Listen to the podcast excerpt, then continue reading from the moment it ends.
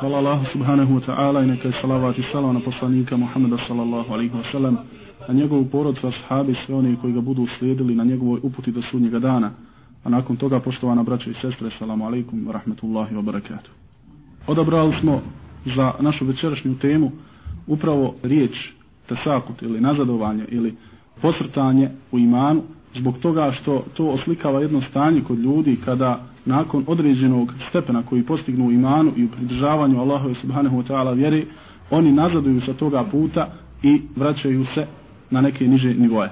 Razlog za odabiranje ove teme, to jest za nazadovanje u vjeri, su sigurno svakome jasni i očiti, jer sahva ili islamsko buđenje koje je nastalo u ovim krajevima, u ovoj zemlji, je svakome poznato i svakome je poznat taj razvitak i put razvoja sahve ili islamskog buđenja. Međutim, isto tako je svakome postalo jasno da svi oni koji nose tu sahvu, to buđenje, su u stvari počeli da nazaduju, da posrću na onome putu kojim su prije išli. Svejedno dakle, da li se radilo o muškarcima, o ženama, o mladima ili starima, to nazadovanje i to posrtanje u vjeri je sve zahvatilo i stoga sigurno moramo razmotriti koji su to razlozi i koji su to lijekovi kako bismo mogli izliječiti to nazadovanje.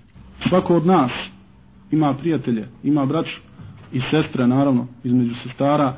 Svako od nas dakle ima prijatelje i braću koji zna kao one koji su izabrali islam kao vjeru sebi u životu, koji su izabrali Allaha subhanahu wa ta'ala za svoga gospodara koji im je prirodni gospodar i koji su odabrali također poslanika Muhammeda sallallahu alaihi wa sallam da im bude vođa i onaj koji će ih upućivati na pravi put.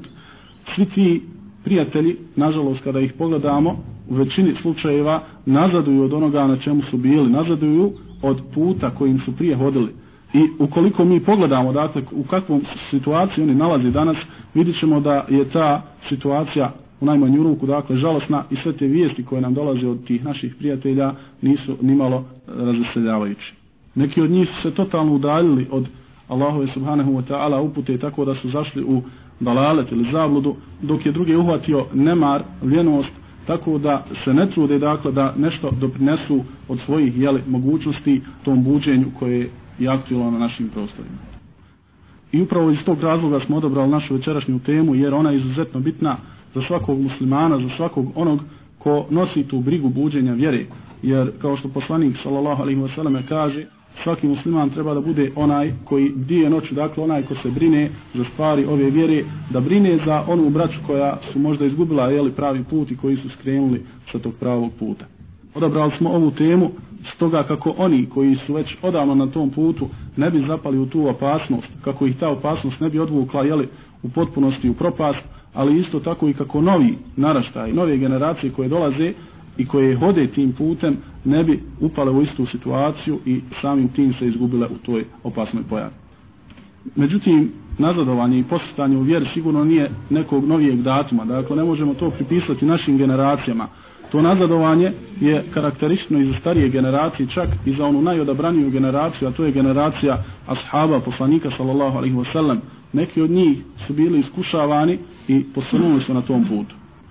Svako od nas, vjerovatno, ukoliko je isčitavao historiju Islama, zna da je u prvim tim generacijama da su se desili ratovi protiv otpadnika od vjere. Svako zna dakle za Musailemu ili Kezaba i one koji su ga slijedili i možete samo pomisliti koliko je muslimana koji su do tada nosili iman u svojim srcima posrnulo i nazadovalo u imanu tako da su čak odmetnuli od Islama i postali nevjernici. Svako od nas je vjerojatno čuo za priču o Ubejdullahu ibn Đahću, jednom od prvih muslimana, dakle prvih ljudi koji su slijedili poslanika sallallahu alaihi wasallam, koji je bio muž jedne od žena poslanika sallallahu alaihi wasallam, umu Habib, koji inače ime Ramla bintu Ebi Sufjan, dakle e, jedan od ljudi koji je prvi primio islam i koji je učinio prvi hijđur, dakle ona prva hijđra koja je bila u Ebesiniju, on je bio među tim prvim muslimanima, ashabima koji su učinili tu hijđru. Dakle, taj musliman, jedan od prvih muslimana, Obejdullah ibn Đahš, koji je učinio među prvim muslimanima Hidžru Abesiniju, jednog jutra, nakon što je dakle postao musliman, nakon što je imao takvo čvrsto uvjerenje da napustio svoju zemlju i otišao u stranu zemlju radi islama, jednog jutra se probudio kao nevjernik. I toga jutra je poželio svoju ženu, dakle, da obavijesti da joj kaže u kakvom se stanju probudio i kakvo razmišljanje u tom trenutku ima. Međutim, ona je već to prije znala jer je vidjela u snu da se njen muž ujutro budi i da joj govori dakle tužne vijesti, to jeste da je nakon Islama prešao na novu vjeru koju je našao u Abesiniji, a to je kršćanstvo. Nakon što je on rekao tu vijest, dakle da je prešao na kršćanstvo, ona mu je odmah saopštila i to da ga je usnila i da ga je vidjela u tom svom snu kako on prelazi na kršćanstvo i rekla mu je vidjela sam te u jednom strašnom prizoru. Međutim, nije to nikakvog uticaja ostavilo na njegovo srce i ostao je u kršćanstvu. Nakon toga, dakle, ostaje također u Abesini, a ona se odmah razvela od njega, pošto muslimanki nije e, dozvoljeno da živi u braku sa nevjernikom i kao što je to poslije poznato, poslanik, sallallahu alaihi wasallam, je oženio Umu Habib. Mi sigurno nemamo vremena da sada govorimo o svima onima koji su nazadovali i koji su posrnuli na putu vjere, jer bi sigurno vrijeme se i tekako oduljilo, jer je njih veliki broj. Stoga želimo samo da napomenemo kroz te neke primjere njih samih koji su u stvari razlozi tog nazadovanja i posrtanja u vjeri kako bismo ih mogli prepoznati.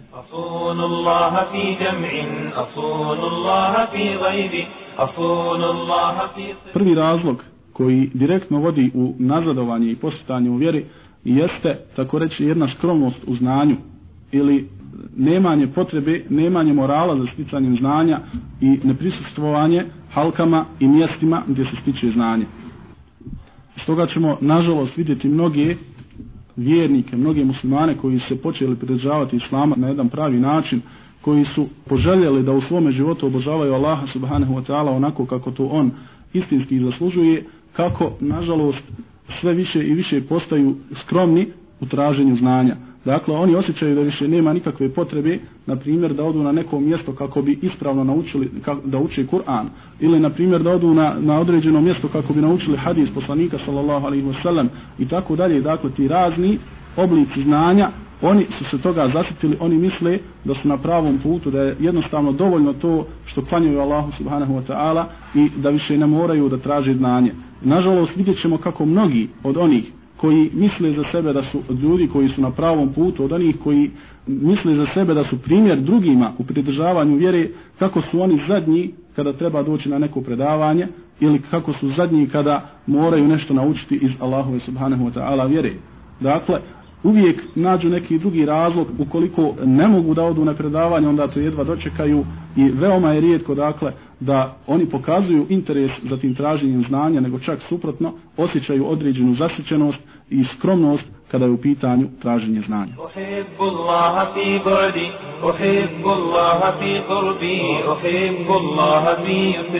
Prvi neprijatelj ljudi koji nose islamsko buđenje u nekoj zemlji jeste upravo i neznanje jer nekada taj neprijatelj priđe iznenada, ispotaje, pa ljudi pomisle mi u stvari znamo, mi dovoljno znamo, više nam ništa ne treba, međutim oni su u stvari neznalice i to neznanje ih u stvari i ubije i ono im je najveći neprijatelj. Neznanje kod čovjeka direktno uslovljava jedno stanje ograničenosti, dakle više taj čovjek nema jasno svjetlo kojim bi gledao u situaciji u stvari sa kojima mora postupati u svome životu.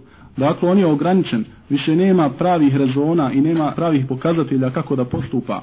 I, nažalost, on pomisli u tim trenucima da je ono što trenutno ima u glavi, da mu je to dovoljno i da ne treba, na primjer, da odi kod onoga koji ima znanje kako bi tražio fetvu za određeno pitanje ili kako bi tražio savjet za određenu stvar. I to neznanje, dakle, direktno utječe na njegovo poimanje stvari oko sebi i ograničava ga, a samim tim to ograničavanje direktno vodi u nazadovanje u vjeri.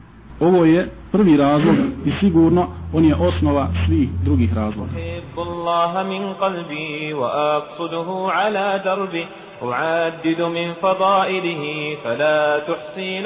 Idući razlog koji čovjeka vodi u nazadovanju u vjeri i u njegovu tako reći propast jeste pretjerivanje u vjerskim propisima i određena žestina sa kojom čovjek može shvatiti određene vjerske propise.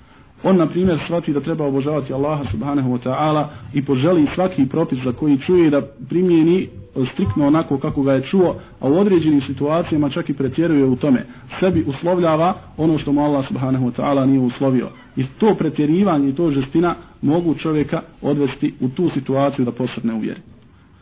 Kada se neki mladić ili djevojka nađu u takvom stanju da doslovno žele da primijene svaki onaj propis koji su čuli i u tim slučajevima čak možda i pretjeruju u tome i osjećaju tako reći jednu žestinu, žele drugima da nametnu isto tako svoj način razmišljanja u potpunosti, onda dolazi do e, jedne situacije kada čovjek primijeti da nije u stanju, nije u stanju dakle svaki mogući propis za koji čuje da, da ga ispoštuje onako kako ga je čuo i nije u stanju da drugima nametne isti svoj način razmišljanja. I onda se desi jedan prijelomni trenutak kada čovjek u svojoj glavi odluči da ostavi sve to. Dakle, ne mogu sve ispuniti, onda ostavljam sve. Naravno, to znači da to pretjerivanje čovjeka odvede ono što je najgore, a to je opuštanje i nazadovanje u vjeru.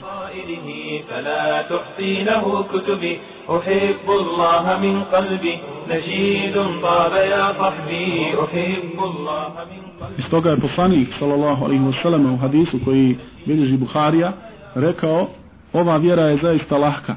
Dakle, ova vjera je zaista lahka i neće biti niko, dakle, ko će pokušati obuhvatiti svu vjeru, a da ga ona neće pobijediti. Dakle, ko će pokušati svu vjeru da odjednom sprovede, a da ga ona neće pobijediti. Što se tiče prvog dijela riječi poslanika sallallahu alaihi wasallam u kome on kaže da ova vjera lahka, on je mislio da je put koji vodi do vjere lahak, da su propisi koje ova vjera propagira i koja nalaže da ih čovjek sprovodi u svome životu, da su lahki, međutim kada se čovjek stavi u tu situaciju da želi svaki mogući propis da ispuni u optimalnim mogućnostima, dakle maksimalno, u tom slučaju će ga ta vjera pobijediti i on će posustati u tom svom pokušaju. Također poslanik sallallahu alejhi ve sellem u hadisu koji bilježi Buharija i Muslim kaže: "Zadužite se djelima onoliko koliko ste u stanju dakle da ih i uradite. Zaista Allahu neće dotužiti, neće mu dosaditi dok vama ne dosadi." Dakle, ovim riječima poslanik sallallahu alejhi ve svim muslimanima kaže da trebaju spoznati svoje mogućnosti.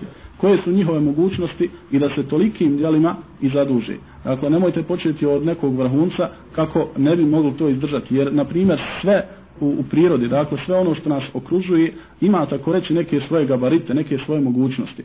Ako želimo na primjer na kamion koji ima nosivost od 5 tona natovariti 100 tona, šta će biti? Naravno da će kamion pasti i razvaliti se u potpunosti. Dakle, on neće ispuniti zadatak koji smo mu e, dali, nego će propasti. Isto tako je dakle sa svakim čovjekom ukoliko se zaduži preko svojih mogućnosti. Najbolji primjer koji može oslikati čovjek u situaciju kada govorimo o ovoj situaciji u kojoj čovjek uzme sebi previše stvari za, u obavezu i nakon toga posusta, dakle nije u mogućnosti sve to da obavi, jeste na primjer primjer djeteta u svome odrastanju. Na primjer, to dijete koje se rodi jednog dana moći će da jede meso. U jednom periodu moći će dakle da jede hljeb, moći će da jede e, razne vrste hrane, dakle da pije određene sokove i tako dalje. Međutim, u prvom periodu dakle svoga života ono te stvari ne može da jede ono mora početi određenim redoslijedom, to jeste početi od mlijeka, nakon toga će jesti onu hapicu, pa će onda jesti neku blagu hranu, neke sokove i tako dalje i sa tim svojim odrastanjem ono će postojati u stanju da sve težu i težu hranu dakle jede i vari. Ukoliko bismo tom djetetu dali na primjer u prvim danima nakon što se rodi umjesto mlijeka meso, šta bi se desilo sa tim djetetom? Prije svega onoga ne bi možda moglo pojesti, a druga stvar ako bi to pojelo ono bi sigurno umrlo. Dakle, uzelo je jedan prevelik zalogaj, prešlo je na neki stepen i na neki nivo do kog mora prijeći određene korake. Ista situacija je sa ljudima, sa muslimanima, sa, sa mladićima i djevojkama koji tako shvate vjeru. Čim počnu dakle da klanjaju, počinju e, sve moguće propise za koje čuju da primjenjuju i to sa kakvom žestinom. Vidjet ćemo na primjer mladića koji je jučer počeo klanjati, kako na primjer kada se pojavi na svadbi, on je prvi koji tekbira on je prvi dakle koji izađe sa galavijom na ulicu i tako dalje i želi dakle da sve ljude uvuče u islam, pustio je bradu i tako dalje, ali nakon određenog vremena, iako smo mi govorili on je mašala, vidite kako je shvatio islam i kako je sve to prihvatio, nakon određenog vremena vidimo kod njega neko popuštanje. Više to nije onaj stari čovjek koji je, je prvi dakle u safu i tako dalje, koji se nadmiče u dobrim djelima. Čak dolazi u tu opasnost dakle da ostavi i namaz. To je zbog toga što je uzeo sebi prevelik teret na leđa, a nije bio u stanju da taj teret zaista i nosi. Idući razlog za nazadovanje muslimana, dakle svakog muslimana, jeste to što takvi muslimani malo vremena i malo pažnije posvećuju sami sebi, to jeste odgoju svoje duše. Malo čiste svoju dušu. Prvi razlog, kao što smo naveli, jeste što oni malo vremena posvećuju traženju znanja, ne posvećuju toliku pažnju sticanju znanja, Druga stvar jeste što puno brinu o vanjskim stvarima, o vanjštini, dok je ona unutrašnjost koja mora da nosi tu vanjštinu u stvari prazna. nije nema e, malo e, brinu o toj unutrašnjosti i treći razlog kao što smo već rekli je da sve to začine jednom nepažnjom prema čišćenju i odgoju svoje duše. Iz toga ćemo vidjeti kako takvi mladići ili djevojke pored na fila, pored dakle stvari koje nisu toliko važne, koje su sunneti u vjeri, ostavljaju i one stvari koje su fars, koje su obaveza za svakog čovjeka. To jeste, vidjet ćemo kako ti mladići ili djevojke muslimani često ostavljaju sabah namaz. Dakle, prespava sabah namaz, misli, hajde, lahko ću ja proći, klanjaću ga posle i tako dalje. I to, dakle, njemu pređe u praksu. Samim tim što mu to pređe u praksu, on je izuzetno e, blizu dakle te situacije da totalno nazaduje u svojoj vjeri i da je izgubi u potpunosti. Poslanik sallallahu alejhi ve sellem u hadisu koji prenose Buharija i Muslim je rekao zaista šeitan svakome od vas kada zaspi na veći na potiljku sveže tri čvora. Pa kada on poželi da se probudi, šeitan mu kaže spavaj, noć je još duga, dakle imaš vremena. Pa kada se on ipak probudi, onda ta jedan čvor se razveže kada uzme abdest da klanja, drugi čvor se razveže i kada klanja, dakle sabah, kada klanja e, namaz, onda mu se treći čvor e, razveže i on ustaje, dakle, svjež i odmoran. A poslanik, sallallahu alaihi wasallam, dalje nastavlja taj hadis i kaže, a ukoliko to ne uradi, dakle, e, pređe ove, ova tri koraka koja smo navali, ukoliko to ne uradi, onda će se probuditi prljave duše i lijen. Dakle, sam taj postupak nebuđenja na sabah, neuzmanja abdesta, neklanjanja i tako dalje, direktno vodi čovjeka u to da njegova duša postaje prljava i da on postaje lijen u obavljanju vjerskih propisa, što svakako vodi u njegovo nazadovanje u pridržavanju vjere. Također jedna od čestih pojava kod mladića muslimana jeste nažalost kada čuju ezan kod određenog mesida da se ne odazovu na taj ezan misleći kako mogu da klanjaju kod kuće ili na primjer kako će klanjati na nekom drugom mjestu. Svakako da je ovakva praksa i postupak tih ljudi e, direktan razlog za njihovo nazadovanje u vjeri jer postepeno će ih sigurno to dovesti u jedno žalosno stanje kada će jeli, propasti. Ono što je obaveza svakog muslimana jeste da odgovori, e, to jeste da se odazove na poziv koji je upućen sa te džamije, da pazi na namaz koji će klanjati u džematu i svakako dakle da pazi na e, svoju obavezu i izvršavanje svoje obaveze prema ezanu. Svaki musliman prije svega treba da pazi na ibadete koje čini prema Allahu subhanahu wa ta'ala. Ukoliko primijeti kod sebe da je njegova pažnja prema tim ibadetima opala, onda mu je to siguran pokazatelj da on ide dakle krivim putem i da će kad tad posustati i da će se poskliznuti za pravog puta. To jest da će nazadovati u vjeri. Stoga svako mora da svoju pažnju okrene ka činjenju ibadeta Allahu subhanahu wa ta'ala i da odgaja svoju dušu postepeno. Taj preokret, taj preporod kod svakog čovjeka neće doći preko noći to se mora dešavati postepeno, svaki dan da pokušava da tako reći na nekom spisku svojih dijela koje učini za taj dan, za idući dan doda jedno novo. Jer vidjet ćemo na primjer da, da bismo e, oslikali ovu situaciju u kojoj se nalazi da naša omladina, oni koji nose to islamsko buđenje na svojim plećima u našim krajevima, moramo govoriti o konkretnim primjerima. Vidjet ćemo na primjer, svi mi, e, većina nas jeli, živi u Sarajevu, i e, većina nas je bila u mesjidu dole kralja Fahda i tako dalje. Ono što je jedna žalostna situacija, dakle, među onima koji, koji nose tu sahvu na svojim leđima, jeste da kada uđemo u taj mesjid, koji je dosta veliki, dosta posjećen, da ćemo veoma mali broj multezima, dakle, onih ljudi koji se pridržavaju vjere, naći u prvom safu. Dakle, to su većinom oni koji dođu, dakle, da klanjaju i tako dalje, međutim nisu aktivni na nekom drugom području širenja islama. A oni koji radi na, dakle, na širenju islama, koji e, svojim riječima propagiraju taj islam i koji zagovaraju i govore ja sam onaj koji se zaista pridržava vjere, u velikom broju slučajeva moći ćemo da ih nađemo u zadnjem safu, u zadnjim redovima. Svejedno, da li se to radilo, na primjer, o džuma namazu ili se radilo o bilo kom drugom namazu. Kada vidimo, dakle, na džumi, vidjet ćemo da su zadnji koji dolaze na, na džumu namaz, u stvari oni koji imaju i najdužu bradu, jel? To je žalostna situacija kada imam se popni dakle na, na mimber, a vidimo kako ljudi ulaze u džamiju i kako traže dakle da li ima negdje mjesto kako bi mogli da, da klanjaju ta dva rekiata i nakon toga da sjednu. Okupljaju se na primjer u, u grupama ispred džamije prije nego što zauči jezan i onda zadnji ulaze u džamiju. Što je svakako jedna žalostna pojava koja oslikava nedostatak njihove svijesti o važnosti prvog safa koji je poslanik sallallahu alejhi ve selleme pohvalio i bodrio dakle vjernike da se natječu kako bi što prije dakle došli u taj prvi saf. To je žalostna situacija koju vidimo svojim očima, ali naravno moramo pokušavati da je liječimo. Ova situacija i ova slika koju smo naveli, dakle, koja je vezana, na primjer, za taj mesečid, međutim, nažalost, taj mesečid nije jedini u Bosni i svugdje, dakle, gdje dođemo da ljudi klanjaju, vidit ćemo da multezim i oni koji se drže vjere, E, i koji se tako jeli, e, propagiraju i predstavljaju ljudima da su oni koji zadnji ulaze u mesjid.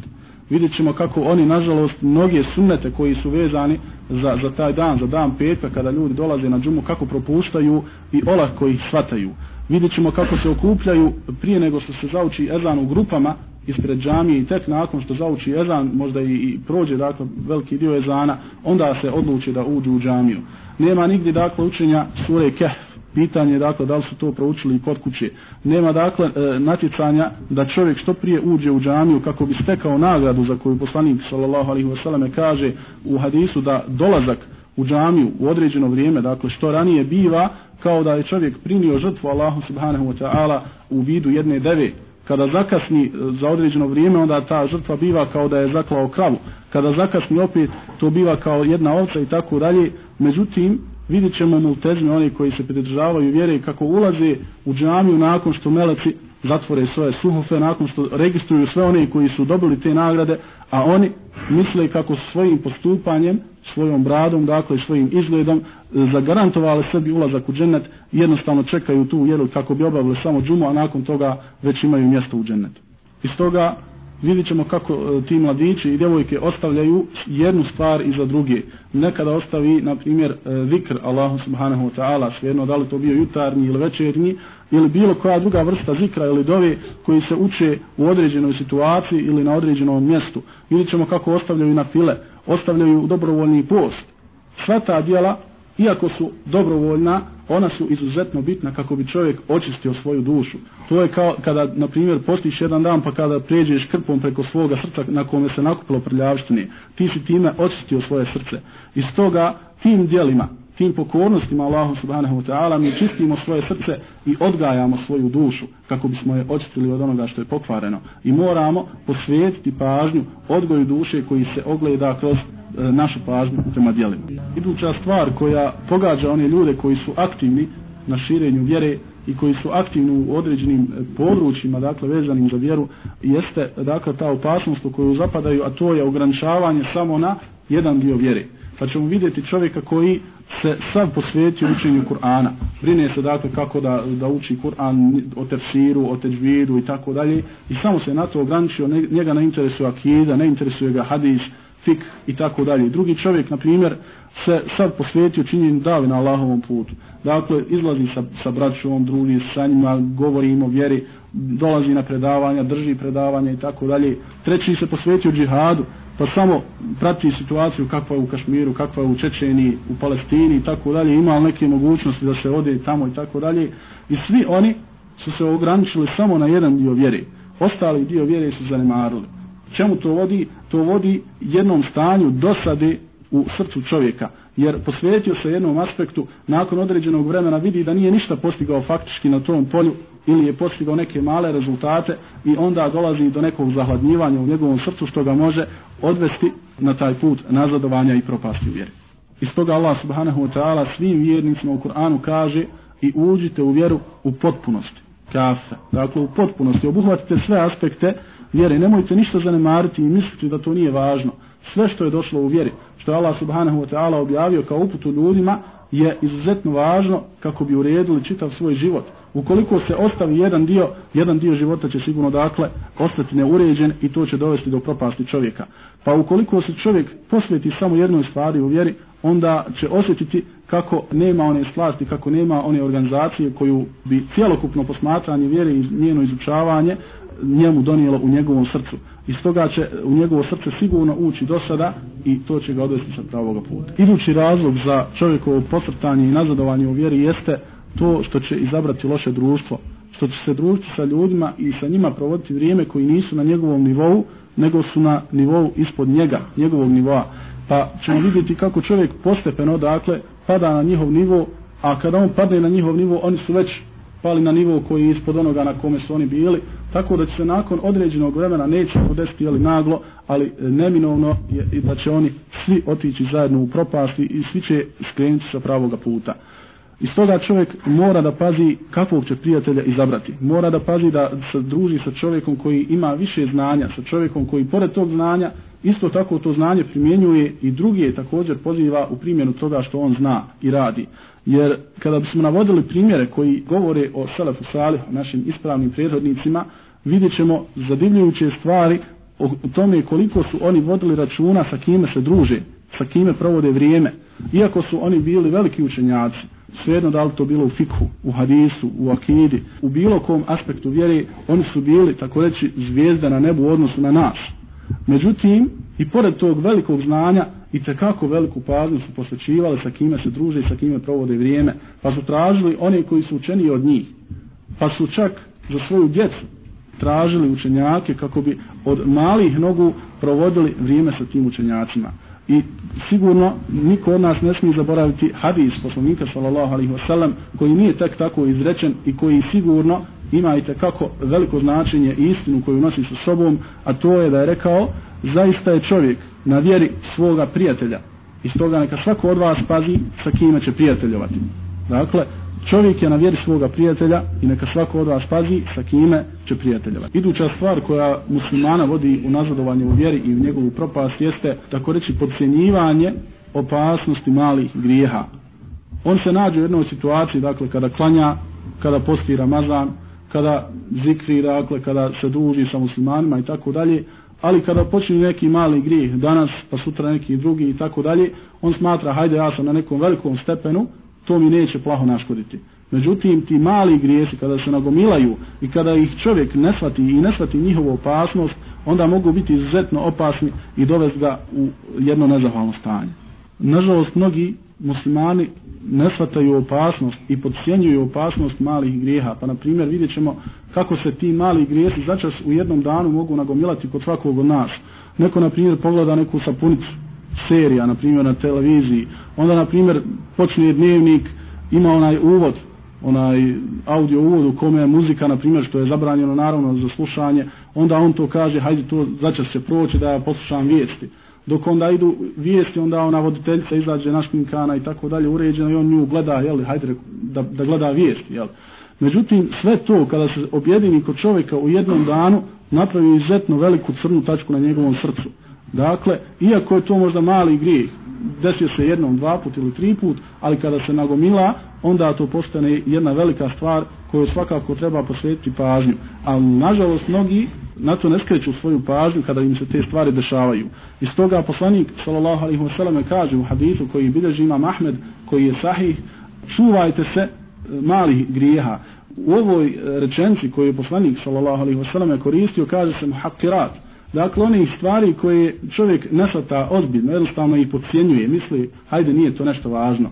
Jer ukoliko se one objedine, one će upropastiti čovjeka. Dakle, te male stvari, ti mali grijesi, ukoliko se objedine, oni će upropastiti čovjeka i to su riječi poslanika sallallahu alaihi wasallam. Stoga poslanik sallallahu alaihi wasallam navodi primjer tih malih grijeha koji kada se okupe, kada se ujedine, upropaštavaju čovjeka pa kaže, to je kao kada se ljudi nađu na putovanju, pa kada se ulogore na jednom mjestu i svako od njih se raziđe kako bi donio grane sa kojima će naložiti vatru pa jedan od njih donese jednu granicu, drugi donese drugu i tako dalje i kada ih sve skupe na jednu gomilu i kada to zapale onda na toj vatri iz te gomile grana mogu da skuhaju svoju hranu. Dakle, primjer tih malih grijeha koji jedan sam za sebe ne predstavlja neku veliku stvar, međutim kada se svi sastave, onda se na njima može naložiti jedna velika vatra. I stoga, kao što Allah subhanahu wa ta'ala kaže, i zaista će prekriti njihova srca ono što su prije sticali, ono što su prije zarađivali svojim rukama, dakle ona djela koja su činili. E, Ibn Abbas kaže da su to stvari grijesi koje čovjek čini, a poslanik sallallahu alaihi wasallam kaže u hadisu da je najgrešniji čovjek onaj koji je činio jedan grijeh, pa mu je za taj jedan grijeh napravljena jedna crna tačka na njegovom srcu, a nakon toga činjenjem više grijeha i, i drugih grijeha, sve više i više se tih tačaka okupljala na njegovom srcu, dok njegovo srce nije postalo potpuno crno od griješenja. Iduća stvar i zadnji razlog koji ćemo navesti dakle za nazadovanje u vjeri jeste čovjekova težnja za ispunjavanjem dunjalučkih potreba koje su u stvari produkt, koje su zahtjev čovjekovih strasti koje on ima.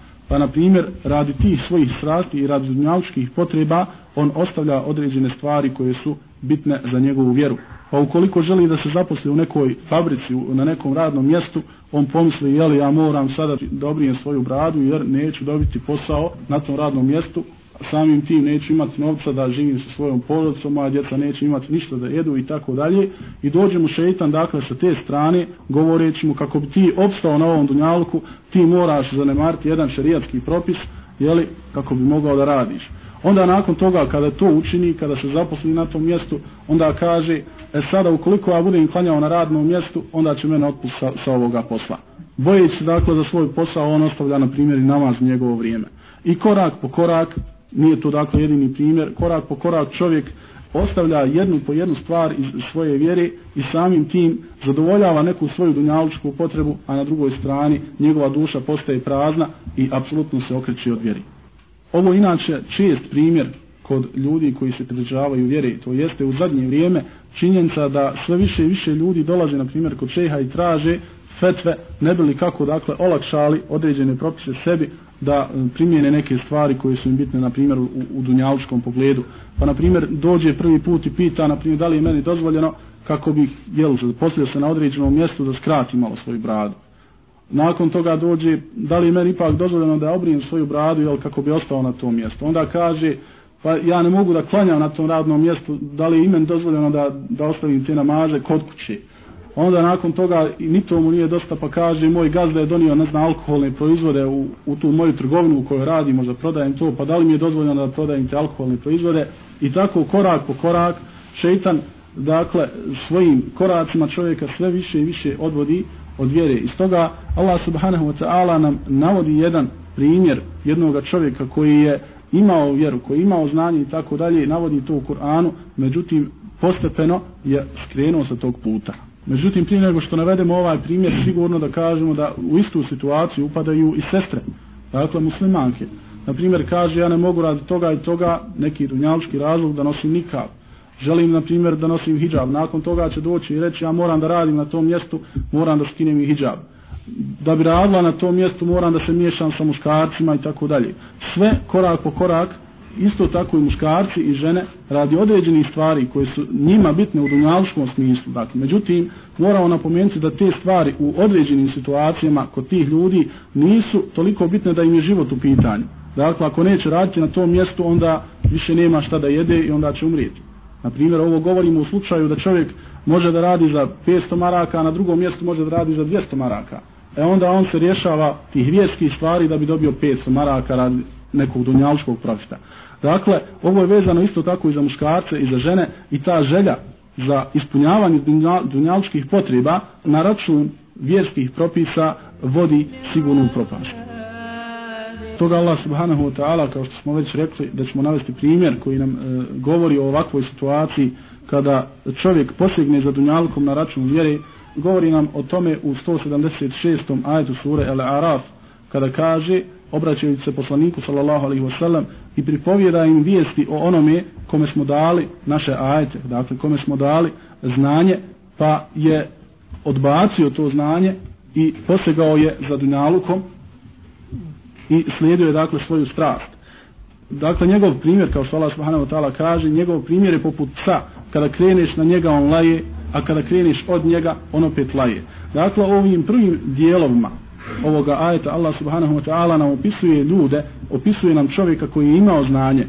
Međutim, onda je ostavio to znanje, što znači da je posustao, da je posrnuo na putu vjeri, to jeste ono o čemu mi danas govorimo. A nakon toga ga je šeitan obuzeo dakle i posjegao je za, za dunjalukom i za svojom strasti, kao što Allah subhanahu wa ta'ala kaže. Posjegao je za dunjalukom i za svojom strasti, što ga je sigurno upropaštio. Ovo što smo dakle večeras naveli, ovi razloge koji vode čovjeka u nazadovanju u vjeri, to su samo neki od razloga koji su u stvari najvažniji. Sa ovim riječima završavamo naše današnje predavanje. Neka je eh, hvala Allahu i salavat salam poslanika Muhammed sallallahu alaihi sallam.